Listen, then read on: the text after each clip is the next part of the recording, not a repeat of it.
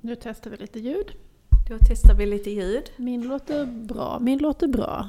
Hur låter min?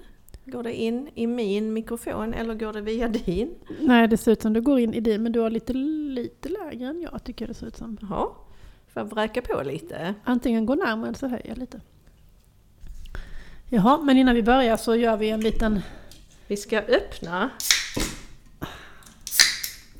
Ljudet alltså. Ja. Det är ett fint ljud. Det är ett fint ljud och det är bara 3,5 Det så att ni vet. Ja, inget fylleri i flödet på den. Och nu blir det en eh, lite mer härligt ljud. Varsågoda, här kommer Torbjörn.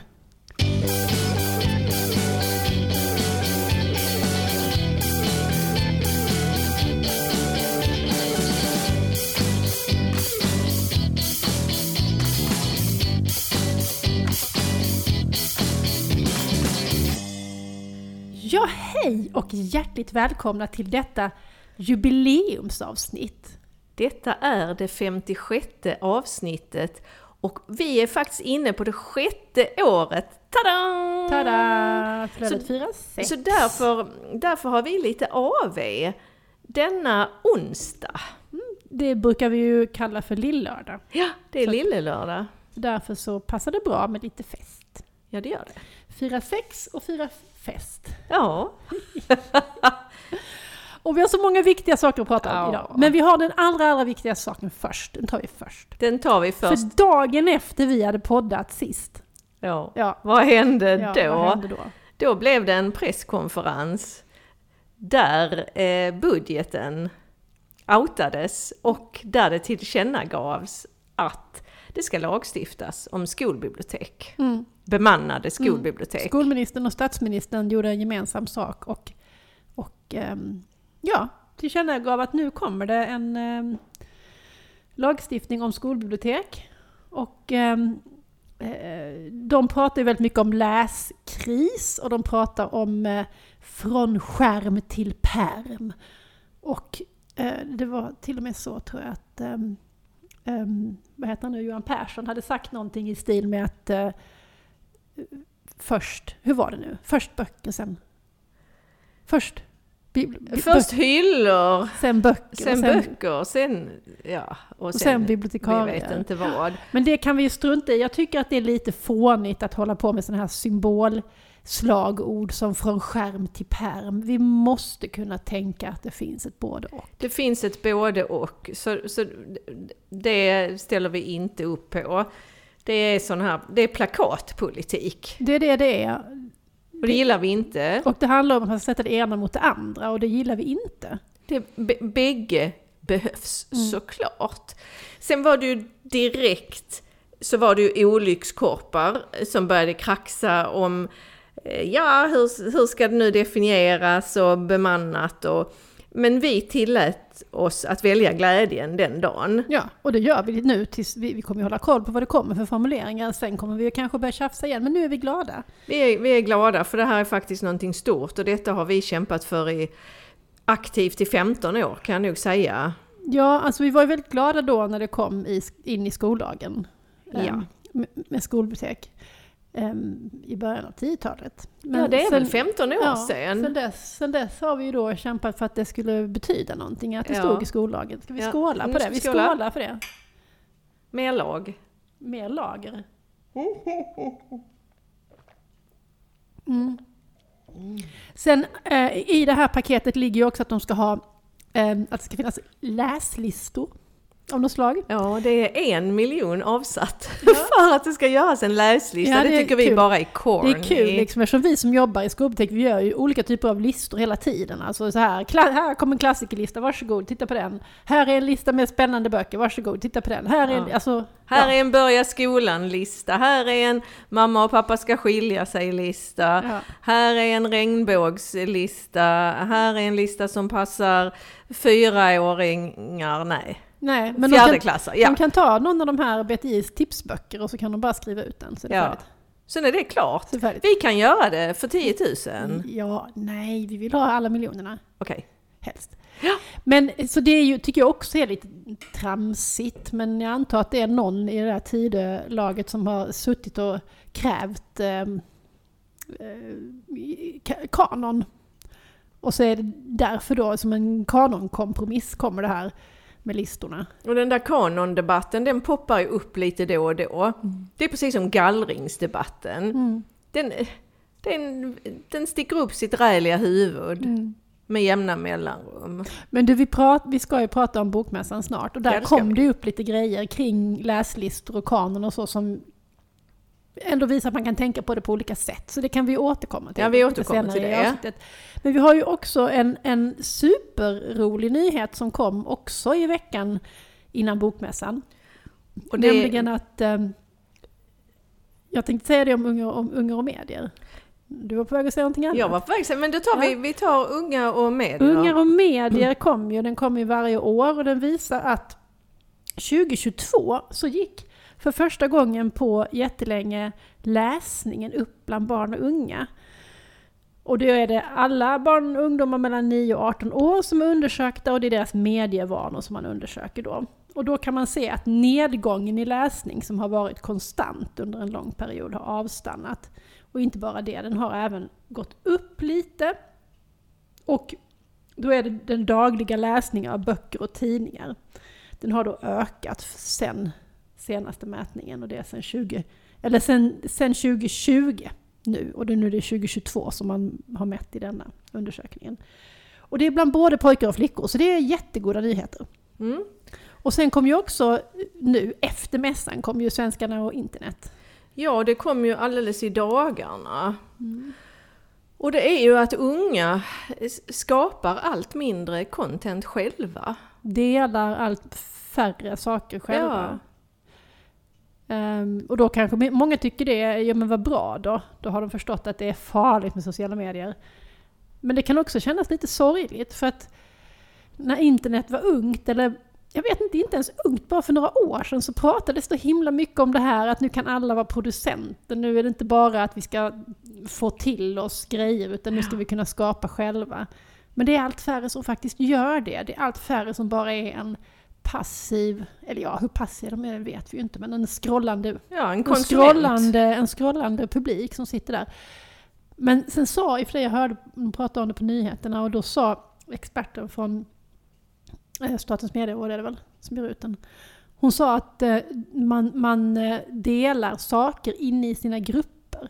Alltså man delar inte på sociala medier, man kanske ser ett roligt klipp på TikTok eller någonting och så delar man det i sin lilla grupp.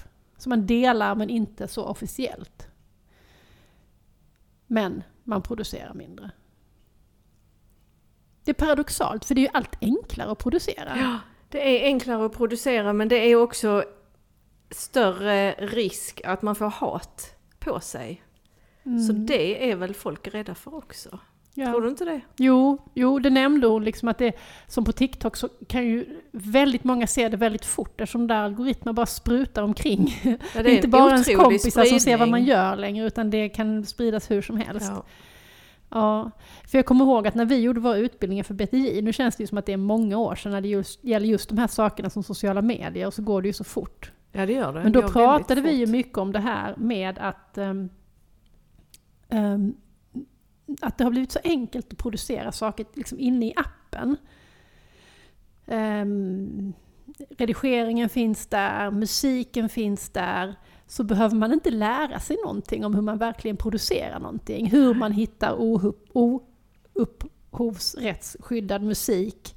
Eh, hur man redigerar ett, i ett redigeringsprogram och så vidare.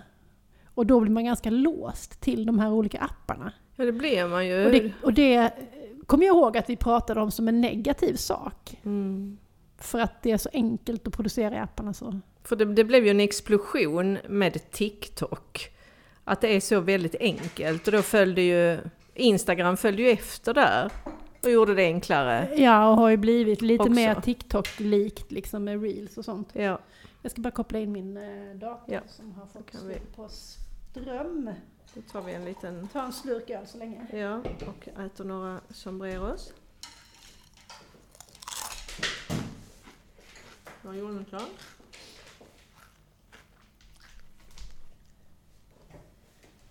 Mm. Bara tugga upp de här. Mm. Ja, nej, men så det, det är liksom... Ja. Så kan man också tänka att det är ett, ett ehm, tecken på att man har blivit mer medveten och mer källkritisk och den biten är ju kanske bra. Men det är ju synd om det, är, alltså om det leder till att man blir skrämd att göra saker själv och dela med sig själv. Men visst har det varit så redan tidigare att när det gäller att, att dela vidare saker så är det ju de äldre i högre grad som har gjort det än ungdomar. Ja, det har det, det, har det varit tidigare också. Mm. Mm. Men var, då måste det nästan ha gått ner ännu mer då? Några ja. så. ja, det måste det. Ja, men, men sen den, den nästa superviktiga nyhet, den ska du få annonsera nu. Ja, och det, det var ju också eh, precis när, när, vi hade, när vi hade poddat förra gången och det var ju att årets skolbibliotek eh, tillkännagavs och grattis till Brinell gymnasiet i Nässjö. Och jag tycker att motiveringen är väldigt bra. Årets skolbibliotek 2023 utmärks av ett forskningsbaserat arbetssätt för både läs och språkutveckling samt MIK. Mm, det gillar vi verkligen. För det är liksom hej då till, till hjältar och eldsjälar. brinna upp mm. eldsjälar. Mm. Att här har man något som, som baserar sig på forskning. Och att man, ja precis, att man, att man for, jobbar evidensbaserat och att man utvärderar och ja, inget hokus pokus här, inte det är proffs som jobbar. Vi skålar för dem tycker jag. Ja. Skål på er, Skål. Brinell. Skål Brinell. Ah, folkis på långburk alltså, det är fina grejer. Ja, finfina grejer. Mm.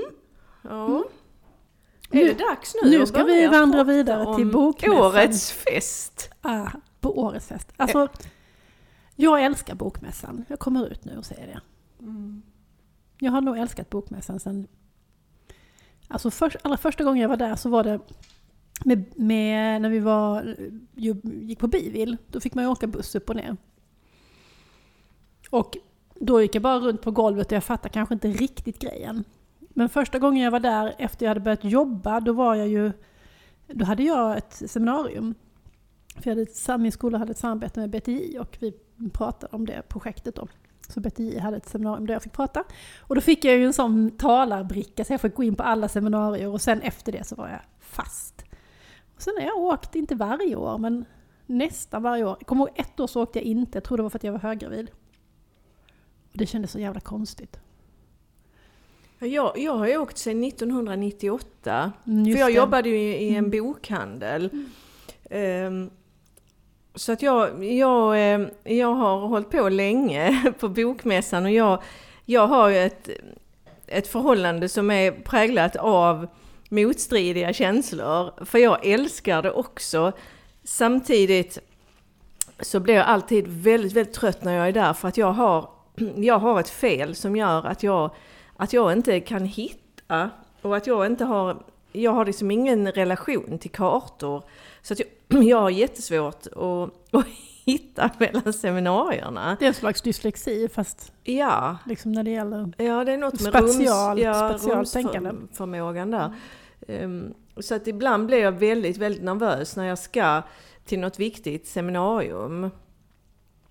Så, så det, därför tycker jag att det, det kan bli lite utmattande. Och i år så var det, ja man kanske inte ska börja med det negativa men... Äh, vi kan ta det negativa först så har vi det Så har vi det gjort. Vi har redan sagt att vi älskar Ja, och i år så använde de inte, och det gjorde de inte förra året heller, de här stora J-salarna. K, K, jag säger fel om det också. Uppe för rulltrappan. Ja, liksom. K-salarna. Så att det blev, det blev fullt på vissa seminarier. Jag kom inte in på två seminarier som jag hade tänkt gå på för att ja, det blev fullt. Plus att det blev det blev eh, stockning där. Alltså man kom ingen vart. Nej. Utanför några salar. Och det, det är inget bra om det hade hänt någonting Nej. där. Och långa, helt oorganiserade köer. En, till ett seminarium stod vi ju i fel kö för att det var så rörigt. Så jag fick, då kom ju inte du in, men jag armbågade min sista minuten. Ja. Men, ja. Nej, det känns inte okej för man betalar rätt mycket för de där korten. Ja, det kostar en hacka mm. som arbetsgivaren satsar eh, på, på oss för att vi ska eh, får, får, får gå på det som är intressant. Så, att, så det, var, det var minus, men det var så många bra seminarier i år. Det var det faktiskt. Jag var på 17 totalt. Och jag var på 13, men du var ju där på lördagen också. Det var jag, och då skulle jag ju egentligen bara vara i, i Bismonte, men jag hade ju en lunchpaus och på lunchpausen passade jag på att gå på ett seminarium. Och det var bra, för det var nog faktiskt mitt bästa. Nej, vad spännande! Ja. Ska Ja. vi ta de bästa då? Ja, ska jag börja? Ja. Ja. Alltså, jag har inte antecknat så mycket då för att jag var liksom ledig. Alltså jag brukar anteckna jättemycket. För att hålla mig alert. Annars så pallar man ju inte åtta seminarier per dag. Men nu var jag ju liksom ledig va. Så då antecknade jag ingenting. Men, och anledningen till att jag gick på det var att jag stötte ihop med Johan Unäng och så berättade han att han skulle hålla det här seminariet och då lät det så spännande. Han hade ett seminarium som handlade om att hitta din inre seriefigur.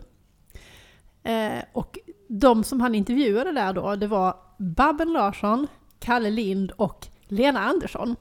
Och bara den blandningen Ja, av- vilken laguppställning! hur? Och, och blandningen av människor är ju superintressant. Alltså Babben Larsson och Kalle Lind kanske är lite samma härad liksom, men så Lena Andersson på det. Men det har jag ju vetat sedan innan att Lena Andersson har ett väldigt nära förhållande till Kalanka.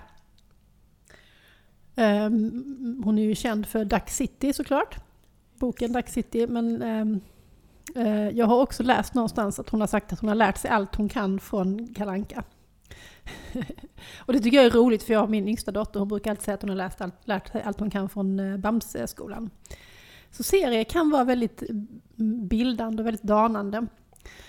Och det visade sig att det var inte bara Kalanka som hon hade ett starkt förhållande till. Hon har läst mycket serier under sin uppväxt. Det gjorde vi ju. Liksom, i, eller åtminstone jag, i den generationen, så vi läste mycket serier. Jag läste jättemycket serier Ja. också. Och eh, Babben Larsson, hon hade ett väldigt innerligt förhållande till Modesty Blaze. Ja, det har ju jag också. Ja. Hon gillar verkligen Modesty Blaze. Och eh, sen Kalle Lind, ja, han gled ju med på ett hörn då för att han, han verkar ha en förmåga att glida med på alla hörn. Han är ju överallt. Men eh, i det här fallet så har han då tydligen, alltså Bamse firar 50 tror jag det är. Och då har de något som heter Bamsepodden som han då är programledare för.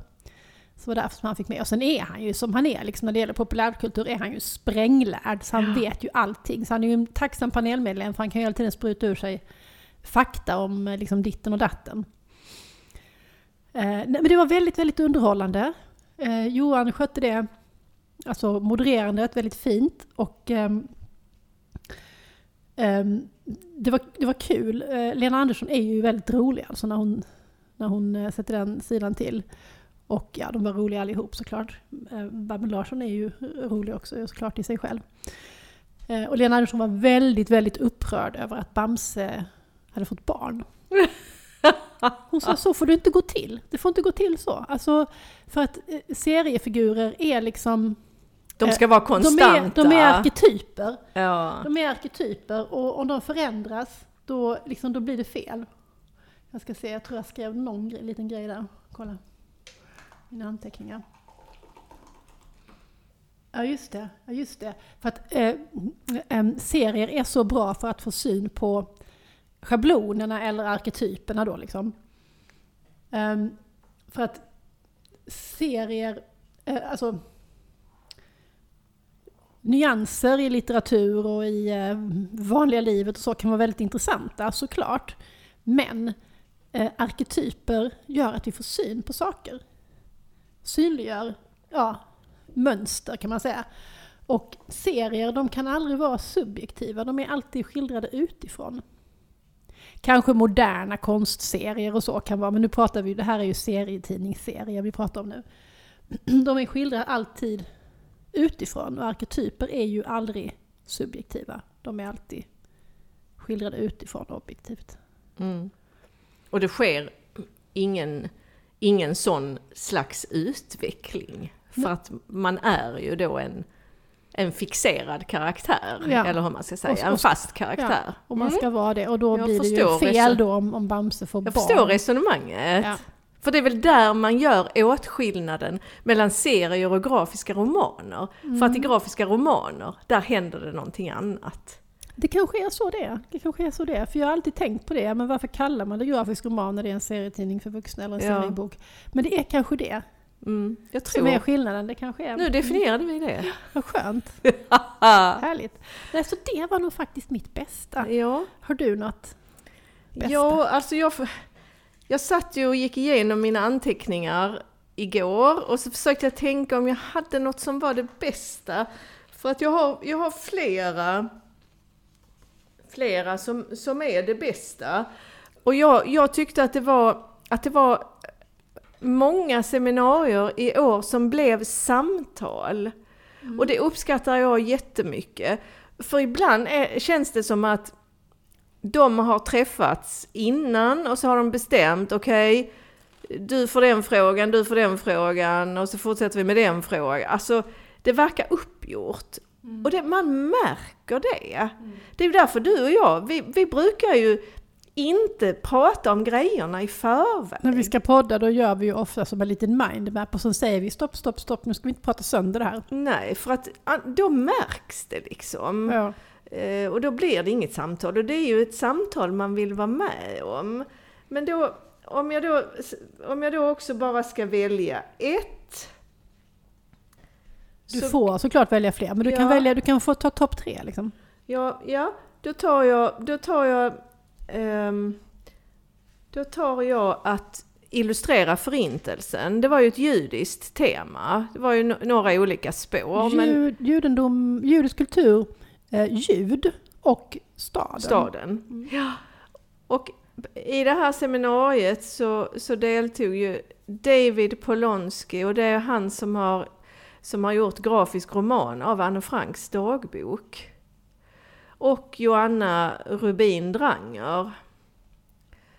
Som, som har skrivit den Ihågkomst fantastiska boken i Ihågkom oss till liv. Det inte så? Det är möjligt. Ihågkom oss. Ja, Mm. så är det kanske. Därför det blev ett väldigt, väldigt eh, fint samtal. Och han berättade eh, hur han ville visa Anne som hon, som hon var. Och han ville ta fram henne, den här humoristiska tonen som finns i dagboken. Och så pratade de om hur, eh, hur texten, hur den får, får styra stilen på illustrationerna. Att känslan i texten, att den ska återspeglas i bilden. Och så pratade de ju såklart om Maus av Art Spiegelman som, som förändrade hela berättandet. Och det får man väl säga att det är en, eh, en modern klassiker. Och det här, här blir det ju typiskt grafiska romaner. Ja, verkligen. Så att det var, det var ehm, ett väldigt fint eh, samtal. Så det, jag får väl säga att det är mitt bästa.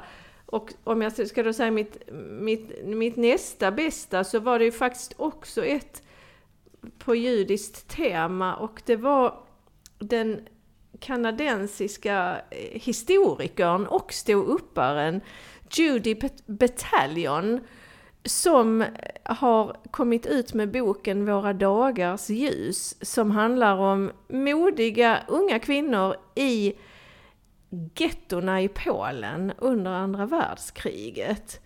Eh, alltså kvinnor som, som då levde utanför gettorna som då inte såg så judiska ut så att de, de antog eh, andra identiteter och hade falska ID-handlingar så att de kunde röra sig fritt. Och de eh, smugglade vapen och var med och organiserade motstånd och eh, ja, gjorde fantastiska saker. Och deras historia är ju nästintill bortglömd. Och hon, hon berättade att det fanns en kvinna som hon eh, hade fått lära sig om. Och, eh, och den, den kvinnans fotspår ville hon följa. Så att hon, hon var på British Library och så beställde hon fram allt material som fanns om henne. Och då visade det sig, det var liksom som att öppna, vad säger man, Pandoras box. Att det var liksom bara, det bara flög eh, fram en massa olika modiga kvinnor så att hon, hon har skrivit deras eh, historia. Mm. Så det, det var också ett, var ett väldigt, fint, eh, väldigt fint samtal. Mm. Men nu blir det bara två, du skulle inte ta topp tre. Jag tänkte du skulle få ta en emellan. Ja men som sagt när man går på så många seminarier så är det ju mycket som är bra. Så det är svårt att välja den bästa eller liksom en. Men en annan väldigt bra var den som heter Den viktigaste romanen. Var det den du inte kom in på? Eller du var med på den? Den, den var jag med på, Ja. den tyckte jag också var jättebra. Ja. Det var ju Malin Ullgren som intervjuade Amanda Svensson, Jonas Hassan Khemiri och Lena Andersson.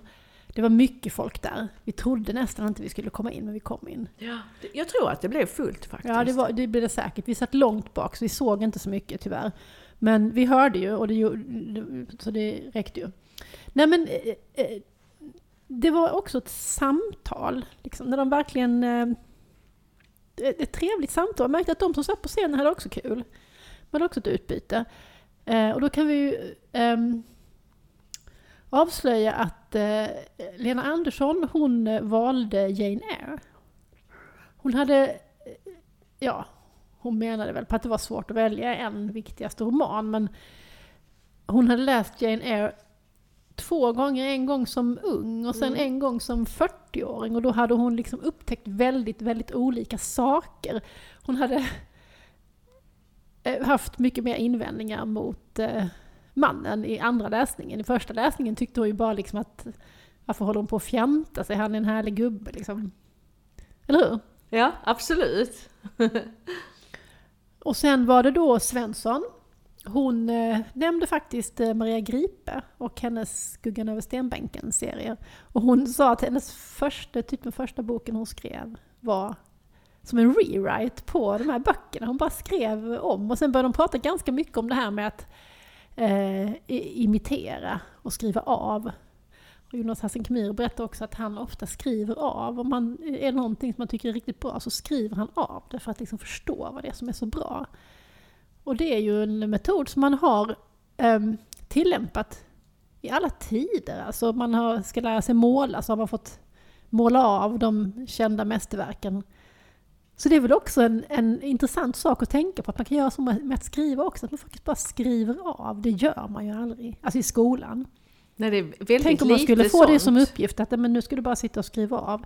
Men när jag gick i skolan hade man ju mycket diktamen, men det var ju som en rättstavning liksom. Det kommer jag inte ihåg. Däremot så kommer jag ihåg att vi skrev av låttexter. Vi skrev av Leonard Cohen, vi skrev av Elton John, vi skrev av Cat Stevens Alltså från texter. lyssna liksom. Ni lyssnade och skrev av. Ja. Men i skolan eller på fritiden? Nej, nej, på fritiden. Ja, ja, det kan jag tänka mig. För nu, för man vill ju ha texterna och så kunde man inte googla upp dem som man kan, kan nu ju. Nej, och så hade man ibland, eller ofta fanns ju texterna på skivkonvoluten, men det räckte liksom inte, man skrev av dem Mm. eh, dessutom. Men jag minns nog detta med diktamen eftersom jag alltid har stavat så dåligt. Så för mig var det ju en mara liksom. Med rättstavningen, att det var, det var svårt. Mm. Så det var därför jag minns det. Men eh, nej, och sen var det då ehm, eh, jag, jo, Jonas Hassan Khemiris viktigaste roman, det var ju ehm, Det var krig och fred. Brott och straff. Var det. Ja, alltså den var han ju arg på. Han skrev ett brev till Dostojevskij att han, att han tyckte att slutet var, att det var falskt och förljuget. Ja. Och att han sen har landat i att det nog är Tolstoj som är den som har betytt mest för honom och krig och fred. Ja. Ja, så var det kanske. Så var det kanske att han, bör, han började med brott och straff för att han menar på att det, det fick honom, han, han fick lov att skriva ett brev till författaren ju, och då Ja. skrev han liksom, jag tycker inte det här är riktigt bra. Och det, det, det förlöste någonting inom Ja. honom. Men det är bra. Och hon var en väldigt bra moderator, Malin Lundgren. Ja, det var hon. Mm. Det, var, det var väldigt trevligt. Ja. Sen eh, Amanda Svensson eh, pratade ju sen om Camus i straffkolonin. Att hon läser den en gång per år. Det verkar tungt, jag. Ja. Mm. Men det var roligt för att de hakade i, i varandras. ehm, berättelser om böcker. Så det ja, var väldigt trevligt. En helt annan sorts moderator var på seminariet var ju grejen med rim. För då var det Malte Persson som var moderator. Jag har hört honom moderera förut och han är en fullständig katastrof. Han är en sån virrpanna, han kan överhuvudtaget inte sköta detta. Men han är så jävla begåvad så att när han då håller på med just en sån sak som rim, som ju är hans, hans expertområde, så blir det ändå liksom bra, för det blir charmigt på något sätt. Han inledde ju hela seminariet då med ett specialskrivet vers då kring vad som är grejen med rim. Och sen hade han ju en fantastisk panel. Han hade Lotta Olsson som satt där och var så här överlägsen och lugn och liksom bara ja, nu gör du det, nu gjorde du fel. Rättade honom lite sådär. Och sen var det eh, Karl Otto Johansson och Nils Andersson som har skrivit eh, rimmade barnböcker.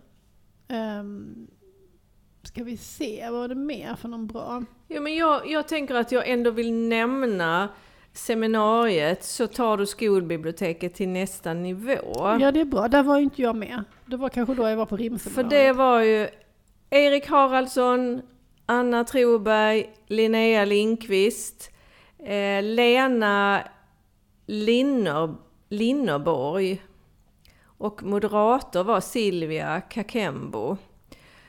Och där, alltså jag tyckte att Erik ställde skåpet väldigt, väldigt bra. Han, han förklarade hur han är schemalagd ute i klasserna, att biblioteket är det är obemannat ofta och stängt. Och var, han fick till och med frågan, det var någon som var jätteförvånad. Men va? Kan inte, kan inte eleverna komma in i biblioteket? Och, nej, det kan de inte. Alltså han var så tydlig, biblioteket är ingen rastverksamhet. Det är i, i första hand är det en del av undervisningen. Så att jag, ja, jag tyckte att det var, att det var bra. Ehm, och Linnea Lindqvist från Hammarkullsskolan, mm. hon, hon är ju också... Ja, men de, de sa bra saker allihopa. Sen ska vi kanske också säga någonting om det allra första som vi var på. Mm. Och det var ju eh, seminariet Elevers läsintresse, ett gemensamt ansvar. För där hade de ju plockat fram ett helt gäng generaldirektörer. Ja, eller vad de nu kallas. Jo, de var GD, alla de. Ja. Hel jo, Helene Engmo. Eh, hon är generaldirektör på Skolinspektionen. Peter Fredriksson, generaldirektör eh, Skolverket. Kajsa Ravin, eh, generaldirektör för Kulturrådet och en forskare, Barbro Westlund. Det var det jag skulle säga. Forskare. Vad är hon? Vad är hon? hon är GD för eh, läsinlärning. Ja, exakt. Mm.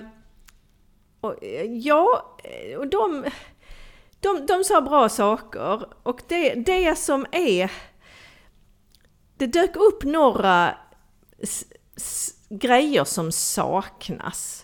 Och det är ju den där samlade statistiken och samlade forskningen och samlade strategier.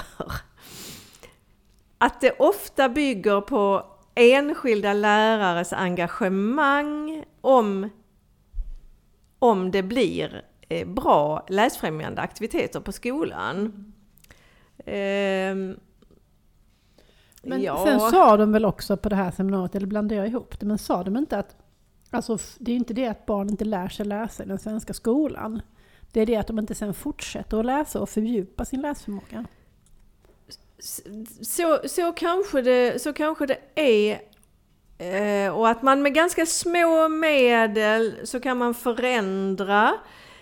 Men att de här klyftorna, läsklyftorna har ju ökat. Ja. Och det är ju, det är ju något som vi behöver ta eh, på allvar. Sen pratade de också om samarbete. Det var nog Peter Fredriksson som pratade mycket om det. Vad krävs det för att det ska komma till stånd ett samarbete mellan folkbibliotek och skola? Och jag satt faktiskt och hoppade ett par gånger för att jag jag tänkte varför säger de inte skolbibliotekarie fler gånger? De mm. nämnde skolbibliotekarie några gånger. Mm. Mm. Men det här samarbetet kommer kanske till stånd lättare om det finns en skolbibliotekarie. Men det gör det ju därför att, därför att skolbibliotekarien blir ju länken mellan folkbiblioteket och skolan. Ja. Jag har ju rest runt mycket i många kommuner och, och i vissa så har man ett jätte, jättefint samarbete med skolbiblioteken. Om man nu ska generalisera lite känns det som att det är i mindre kommuner är det mer vanligt. Och i större kommuner kan det nästan vara vattentäta skott ibland, alltså att skolan och folkbiblioteket nästan inte får samarbeta. Och det kan ju också vara så för att skolorganisationen är så stor i sig, så det finns så många bibliotekarier eller lärare, lärare i boksamlingar som de kan samarbeta liksom själva, så de inte liksom har tid med folkbiblioteket nästan. Känns det inte så också att det är mycket personberoende? Ja, ja kanske. Men som i Stockholm så var det faktiskt liksom nästan förbjudet för folkbiblioteket att samarbeta med skolan. De skulle använda sina resurser Ja, på annat de sätt. skulle liksom verkligen akta sig för att eh, liksom skolan skulle utnyttja dem istället för att anställa egna bibliotekarier. Och det är just det- liksom dithän det går om skolan inte sköter sitt uppdrag. Jag brukar rekommendera dem jag pratar med, om jag pratar med folkbibliotekarier, att är ni rädda för det, samarbeta då inte med skolan, samarbeta bara med skolbibliotekarierna. Då kommer det bli så att ni bara samarbetar med de skolorna som har fackutbildade bibliotekarier och då blir det också ett incitament för alla andra att skaffa det.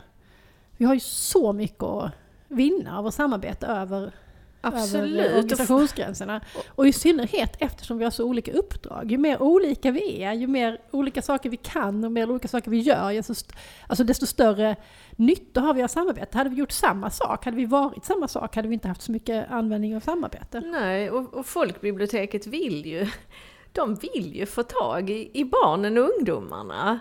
Och då har de ett fan, en fantastisk chans att få det Ja. via skolbibliotekarien. Ja. Och vi behöver ibland lite större liksom, professionellt nätverk, lite större resurser vad gäller medier och så vidare. Då kan vi få det från dem, så vi kan ha så mycket nytta av Ja, varandra. absolut. Ja. Mm. Eh, ja, vi var- var, ju också på det här som heter, om- som heter eh, klan, kanon, en klassfråga. Ja, det kom jag inte in på. Det var det du inte Ja. kom in på, okej. Det var jag jättesugen på. Ja, för där var ju eh, eh, Dilsa Demirbag Sten, moderator. Och så var det Mats Malm, Nicolas Lunabba och Marlene Eskander. Och ehm, ehm, Malm menade då på att liksom, ja, men vi är kanske inte riktigt eniga, eniga om vad en kanon är. Han menar på att traditionellt sett så har man ju sett det liksom som någonting som kommer ovanifrån, någonting som pådyvlas. Det här är det rätta. Det här är det som alla ska ta del av. Men, eh, så det blir liksom som en begränsande lista. Det är det här ni ska ta del av. Ingenting annat får ni ta. Det här är det riktiga, det här är det rätta. Men det kan ju också vara... Man kan ju också se det som någonting som erbjuds. Titta här är ett smörgåsbord som du kan plocka från om du vill. Här har vi lite tips. Men om man har andra grejer för sig så behöver man inte, man kanske inte behöver den där listan. Då kan man strunta i den. Och då kan det ju vara en bra sak. Men sen var det så här ehm, i det här seminariet att um, Eskander hon var väldigt positiv för, alltså för kanon. Sa du vad hon, vad hon ha- har för profession? Ja, hon är alltså grundare och, ehm, och eh, verksamhetsledare, eller vad det kallas, för det här som heter Läsfrämjarinstitutet. Känner du till det? Lotta tugga, men hon skakar lite på huvudet, hon vet inte. Alltså, jag kommer ihåg att jag lyssnade på dem, ja, någon annan eh, mässa också. Alltså det är en organisation som jobbar för att sprida läs, litteratur och kulturfrämjande verksamheter för barn och deras vuxna.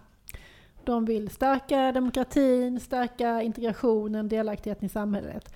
Så det är, det är ju bra grejer. Var får de sina pengar från då? Det vet jag inte. Det är en ideell organisation ja, det är absolut, alltså? tror jag Ja. att det är. De driver något som heter Läslandet. Läslandet är som leklandet. Ja, Det vill vi gärna ha. ja. Ett läsland med härliga kuddar där man kan ligga och läsa goa böcker. Ja, men i alla fall, hon var väldigt positiv till kanon och de hade någon slags bild av, hon också, Demir Bergsten, om att eh, hon sa ungefär så här. Att det är medelklassens ångest som gör att våra barn inte får bra litteratur. För Nej, att, för att medelklassen har då ångest kring kanonbegreppet och tycker inte att det ska finnas någon kanon. Och det då gör att vi inte får bra litteratur i skolorna. Jag vet inte, jag, jag vet inte, vi kan, jag, men, men jag tycker det är jättekonstigt. Vi kan inte ens prata om det Nej, kanske. Vi, nej, det kan vi när, inte. När, när inte de är här och kan förklara vad de verkligen Nej, menar. för det är ju också lite sådär... Därför får vi inte bra litteratur i skolorna. Det får vi väl också? Vi får Mm. Ja. väl bra litteratur i skolorna? Ja, om vi har skolbibliotek. Det är snarare Ja, det. Liksom. sen tycker ju inte alla... Alla tycker ju inte samma om litteratur. Alla tycker inte att samma litteratur är bra litteratur. Nej, och det kan vi, vi kan prata lite grann om banned books i slutet. Vi kan kanske inte ska ta det nu, Nej. vi återkommer till Det det. gör vi absolut. Mm. Ehm, För vi har en antikanon ja, på spiken, har Ja, det blivit. jag vet. Mm. Det är jätteroligt. Men vi, vi kommer tillbaka till en cliffhanger. Mm. Ehm, ja, nej men eh, Lunabba tog ju upp det här då att när han kom i kontakt med litteraturen via rapmusiken var ju det som var hans ingång. Då ehm, mötte han ju först eh, liksom, litteratur från USA, sen mötte han den svenska arbetarlitteraturen och då insåg han att det här är ju min, det här är ju vår litteratur, det här är ju kamplitteratur fast på svenska. Han hade ju sett det här i USA, liksom, eller från, från den amerikanska kontinenten. Och så plötsligt såg han att det här finns i Sverige också. Ehm, så att mycket av, av klassikerna är ju arbetarlitteratur och kamp, kamplitteratur, eller hur? Absolut. Um, ja, Eskander sa också att det finns eh, liksom olika bubblor, menade hon. Olika elever läser olika saker, men hon vill att alla ska ha rätt till samma. Att det ska vara lika villkor. Och, och att en lista då, eller en kanon, skulle kunna frigöra tid för läraren. Eh, och vara då en strävan mot ett bildningsideal. Ja, det låter fint, men jag säger ja men skolbibliotek så löser du det. Då har du redan frigjort Ja. den, den tiden för lärarna. Så tänkte jag att, att skolorna är ju en kommunal angelägenhet och så länge den är det så kan du inte få en likadan skola. Nej, det är också Och, och så länge rektor sak. har så pass mycket självbestämmande Mm. eh, som rektor har så, så blir det ju inte, det blir inte likadant. Det blir inte samma tillgång. Ja. Men, men vi säger skolbibliotekarie är lösningen på kanonproblemet, eller hur? Absolut, absolut. Ä- ä- För att även om det fanns den här listan, vad ska man med listan till? Alltså, det behövs ju någon som tillgängliggör saker också. Det är som att det är inte det är inte lönt att ha nationalencyklopedin på en skola om inte det finns en skolbibliotekarie som undervisar om det. Alla databaser som kommuner prenumererar på som inte används för att det inte finns någon som går ut och undervisar och som informerar och som bygger upp en sajt där man kommer Ja. åt sakerna. Och det är ju samma med, med de här kanonböckerna. Det behövs ju någon som underhåller de här uppsättningarna med böcker. Och undervisa på rätt sätt. ja, Och det är ju klart lärarna som ska göra det. Det är ju alltid den undervisningsskickliga läraren som är nyckeln. Men vi kan ju hjälpa lärarna. Och det, det sa de också faktiskt i det här seminariet att, att ska man komma åt klassikerna måste man komma åt dem utifrån nyfikenhet. Utifrån Ja. elevernas nyfikenhet. ja och, det, och det i klassikerna som är relevant idag. Mm. Och, och det finns ju hur mycket som helst i, i klassiker. Det är ju liksom ligger i klassikerns natur. Ja. Att det är tid, helt tidlösa frågor. Ja. som tas upp i de, i de här böckerna. Det är därför de har blivit eh, klassiker. Men, Mm. men det krävs eh, att det är någon som jobbar lite med de där bokhögarna. Exakt. Och, och ser till också att promota böckerna och att, att, eh, att bokprata om dem så att det blir lockande för eleverna. Mm. Ja, jag tänkte på det när du, du sa, du sa prat, nämnde Banned Books, alltså du sa att vårt första seminarium var det här med, ehm, eh, med alla GD-erna. Men det var det ju faktiskt inte. Nej, för vi var ju med på den här frukosten. Om man har ett sånt här guldkort, alltså seminariekort för alla dagarna, då får man, blir man bjuden på en frukost med en hemlig gäst. Och, och i år så var det alltså Laurie Halls Anderson som var den hemliga gästen. Så Ja. det var ju helt fantastiskt. För att Ja. hon var ju på Littera Lund och det framträdandet hon gjorde där, det var ju, alltså folk grät. Ja, Så det, det var, var- helt så- Så fantastiskt. det, det, det kunde liksom inte bli bättre än så, men ändå Mm. så var det ju underbart att lyssna på henne igen. Ehm, och, och hon har ju engagerat sig väldigt mycket mot det här med bandbooks i USA. Självklart eftersom hon är en författare som är väldigt bannad. Och hon har också skänkt en, en god bit av sitt, eh, sina prispengar till amerikanska PEN. För ehm, att de ska jobba med- den här frågan. Ja. Och jag snubblar faktiskt in på ett seminarium med henne, alltså ett eh, öppet, eller säga, på fredag morgon. När hon hade ett samtal med Svenska PENs ordförande och med eh, Kajsa Ravin. De hade ett samtal om konstnärlig frihet och bannlysta böcker. Ja, det är ju just nu Band Books Week som eh, Svenska PEN i samarbete med David Itzhak-biblioteket tror jag driver för första gången i Sverige. Det har ju funnits i USA i många år. Och vi har lite aktiviteter på Spiken, det kan vi lika bra komma in på nu tycker jag. Eller har vi något mer vi säger om mässan först? Nej, vi kan, vi kan lämna det. Ja, vi lämnar mässan. Hej då mässan! Hej då mässan, vi älskar dig, på Vi ses, vi ses nästa år kanske. Ja, Band Books Week.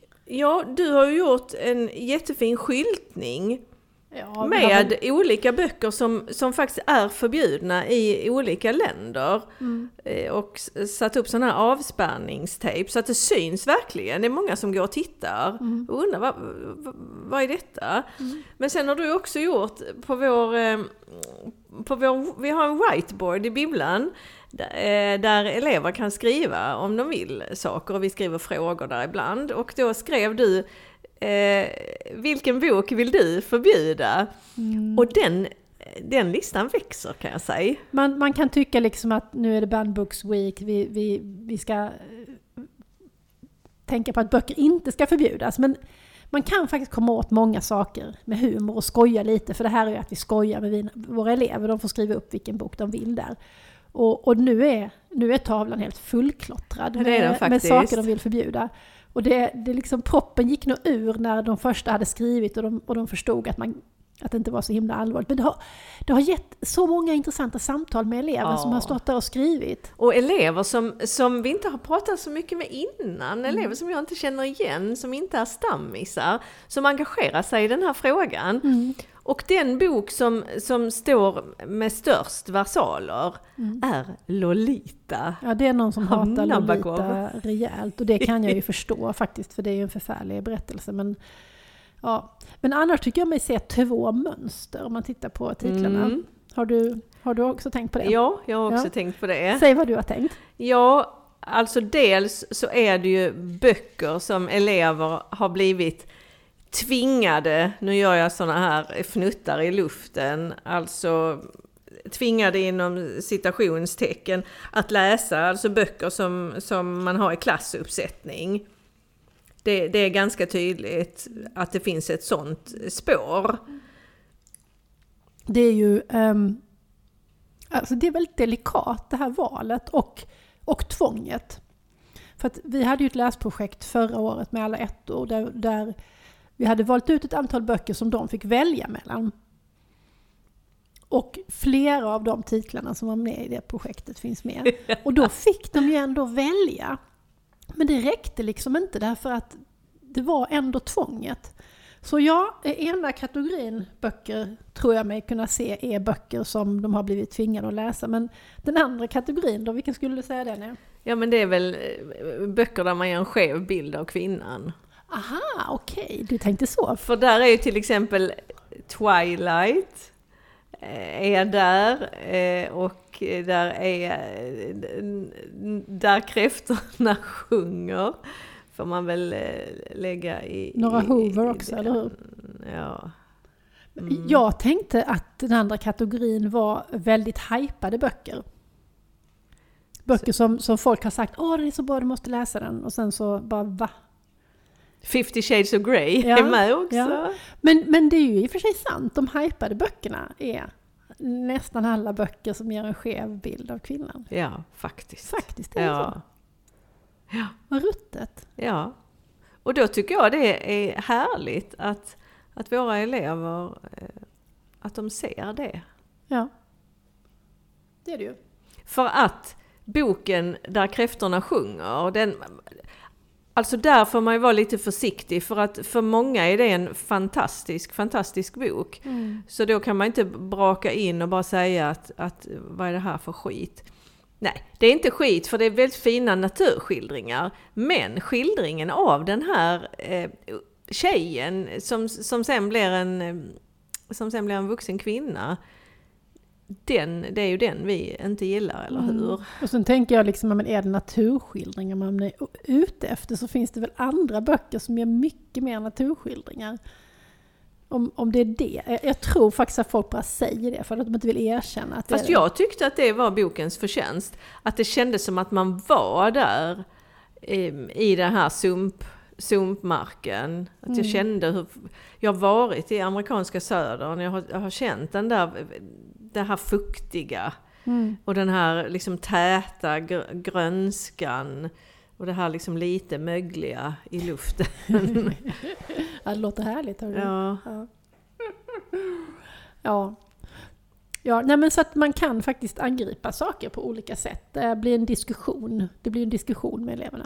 Men du tänk om man hade gjort så här med kanon istället. Att man, man eh, delade in eleverna i en klass i, i, i fem grupper.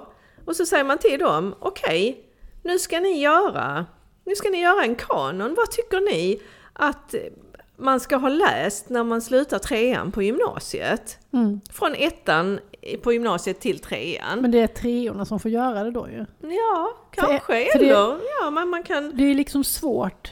Det här har jag tänkt på mycket för att när jag jobbade med Skapande skola så var det ju många som hade, alltså det fanns en väldigt stark eh, eh, vilja från liksom ovanifrån att man skulle ha medbestämmande, att eleverna skulle ha mer att bestämma. Men eleverna kunde ju inte ha mer att bestämma för de hade ju liksom, många hade ju aldrig varit på teater. Hur skulle de kunna bestämma att de ville gå på en teaterföreställning när de inte visste vad de pratade om? Då sa de, ja vi vill åka till ett lekland. Ja. Ja, nej det kan ni inte få göra. Nej, det Så kan jag man, hålla man, med man måste om. ju veta, man måste ju känna till vad man... Vad man eh, Ja, men då kan det ligga i uppgiften att de först får de ta reda på vad är en kanon? Vad skulle en, en svensk litteraturkanon kunna vara? ja. Och, och liksom tolka, tolka, tolka detta och gör en lista över tio böcker Ja. som, du ska ha, som du ska ha läst. ja. Nej, det är jätteintressant och det hade varit jätte, jätteroligt faktiskt om man skulle ge en, en eh, klass det i uppgift och sen får de helt enkelt läsa de böckerna och sen får man utvärdera. Och då kan de ju ekonomisera, så då kan de ju läsa, så att de väljer tio böcker, så kan de ju, kan de ju läsa, mm, tre elever läser eh, samma bok. Mm. Och så berättar de för de andra liksom, vad det var som var fantastiskt, eller, eller inte fantastiskt med den boken. Då blir det en kanonkanon. Ja, det, det kommer att bli så bra. Mm. Men, men, men jag håller verkligen med dig om det där att, att man kan inte begära av elever att de ska bestämma. Nej. Och att de ska ha så, så mycket idéer, men ibland kan de verkligen ha idéer. Får jag bara helt spontant berätta om en sak? Ja, det får du. Jag hade en, en lektion med eh, ett gäng som ska skriva gymnasiearbete inom biokemi. Och då tyckte jag att jag fick ganska lite respons. Alltså ibland när man, när man är i en grupp, det var ju inte, var kanske 20 elever och en väldigt, väldigt aktiv och engagerad lärare. Så ibland när man är i sådana grupper så känner man att de är med, de ställer frågor, de liksom tittar en i ögonen och nickar och sådär. Så tyckte jag att de här, ja, Ja, de var inte med mig riktigt. så. Så då, då, gjorde jag, då gjorde jag ett litet formulär med bara fem, sex frågor om min lektion. Och skickade till, till läraren, och, för läraren var ju var entusiastisk och tyckte att det hade varit en jättebra lektion. Det var precis det här de behövde. Så då gjorde jag några frågor. Och då har, jag tror 13 elever har svarat än så länge. Och då, jag, jag fick jättebra grejer tillbaka. Alltså några har ju inte gitit svara. Mm. Utan liksom skrivit jag vet inte, nej ingenting, nej det var bra. Men andra Då kanske har, de tyckte det, att det var bra helt enkelt och att ingenting behövde förändras. De kan faktiskt ha tyckt det, det är rimligt. ja, också. några kan ha Om tyckt läraren det. tyckte det var jättebra. Ja. Och några kan ha liksom, ja, nej jag vet inte. Men, men jag fick, jag fick några bra tips Ja. faktiskt. Och, Vill du dela dem? Ja, men bland annat att de ville att jag mer skulle gå in på liksom exakt det tekniska inne i EBSCO. Klicka här, Ja, gör ja. så. Och jag tyckte att jag visade det, men jag kanske visade det för lite. Ja. Ja, men det, här, det här har du... Alltså! Det här har du pratat om tidigare lite grann för att det har varit, du, jag kommer ihåg att du har berättat om det här att det, vad var det svåraste det var att logga in på databasen. Ja, och nu har vi ju single sign-on. Ja. Så att, eller single sign-in, eller det- vad det nu ja, heter, ja, ja. SSO, single sign-on. Så att nu, nu slipper de ju alla lösenord och det, det möget. De kommer rakt in i databasen. Och då är det ändå liksom själva handhavandet av databasen. Och för min del tycker jag det är så att nu, nu har ju du en, alla NA-informationssökningspassen eh, så du söker mycket mer EBSCO så jag gör inte det så ofta men varje gång jag går in så känner jag att jag måste damma av mig och göra liksom mm, påminna mig om ja men det var si och så, det var si och så. Um, så när man grejar ganska sällan med en sak då hinner man ju inte bli riktigt skillad på den och då är det svårt. Och de, de gör ju inte det. De gör det kanske ganska mycket i tvåan när de gör Young Science Parliament. Och sen, ja, sen behöver de det igen i trean när de ska skriva sitt, sitt eh, gymnasiearbete. Men jag, jag, jag gjorde ju en sak som jag är nöjd med. Och det var, jag har ju askulterat med eh, en lärare och det har jag berättade vi pratade vi om i förra, i f- förra avsnittet. Mm. Att, att jag var med på en lektion. Och då gjorde jag som han. Att jag tänkte igenom vad är det allra viktigaste jag kommer att ta upp på den här lektionen. Om de bara kommer ihåg två saker. Så då skrev jag på tavlan, så skrev jag ämnesord slash eh, ämnestermer slash smarta ord. Mm. Och så skrev jag trunkering och så gjorde jag den där stjärnan också. Och då var det faktiskt flera som hade, för jag hade en fråga i det här formuläret. Är det någonting som du, du tror att du kommer att ha nytta av? Och det var flera som skrev trunkering. Ja, Va? Snacka om att ett bibliotekariehjärta blir varmt! ja, det är fint. Trunkera mera. Ja du. Ja. Ja det här var bara ett, ett litet inpass. Vi pratade om banned books. Men vi kanske är färdiga Ja, men det var- det var- vi var Vill du förbjuda någon bok förresten? Ja, men jag är inne på när kräftorna sjunger ju. Det var inte jag som skrev det på tavlan. Det var det inte. Men eh, jag, jag har varit arg på den boken. Mm. Har jag. Och det är, har ju att göra med att den var så hypad. Hade det bara varit en bok som någon hade läst och sagt Ja, om jag hade snubblat på den och kunnat säga äsch, det var ingen bra bok. Men att alla hyllade den unisont. Och sen var det en sån skitig bild av kvinnan och kvinnans sexualitet. Så jag bara, nej, orkar inte. Ja. Du Men, då? men jag, jag, jag har nog varit eh, lite arg på 50 shades of Grey när den kom. Ja, det kan jag förstå. Den har jag ju inte läst, men annars hade jag nog varit arg på den också. Jag, eh, jag läste inte hela, det pallar jag inte, men jag läste lite grann. Och jag, jag tycker på något vis att den legitimerade våld mot unga kvinnor. Eh, och det kan jag, jag kan aldrig, jag kan aldrig acceptera det. Att den, den liksom, den, för, vad ska jag säga, den normaliserade den normaliserade strypsex och, och, och, och våld. Jag menar det får väl folk hålla, vuxna får väl hålla på med det om de vill. Men unga tjejer ska inte eh, tro att de, Måste. att de måste, att de ska behöva ställa upp någon- på allt möjligt. Nej, säger jag. Ja. Nej. Så den, den, jag kan förbjuda den. Sen, sen ha- har det ju det har kommit en bok. Vi blev ju varnade av någon på något forum om en bok som heter The God of Malice. Ja, just det.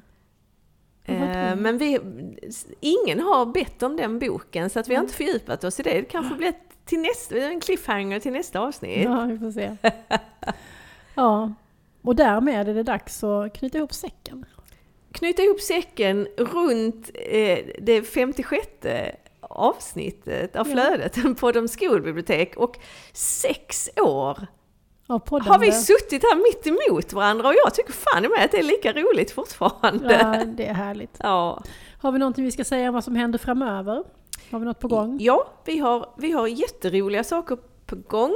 Vi har ju förmånen att vi i år igen ska få föreläsa för studenterna i Växjö Just det. Som deras- läser biblioteks och informationsvetenskap. Vi ska föreläsa om det praktiska arbetet i det, skolbiblioteket. pedag- det pedagogiska Det arbetet i skol- pedagogiska, ja. tvärtom. Ja, det pedagogiska.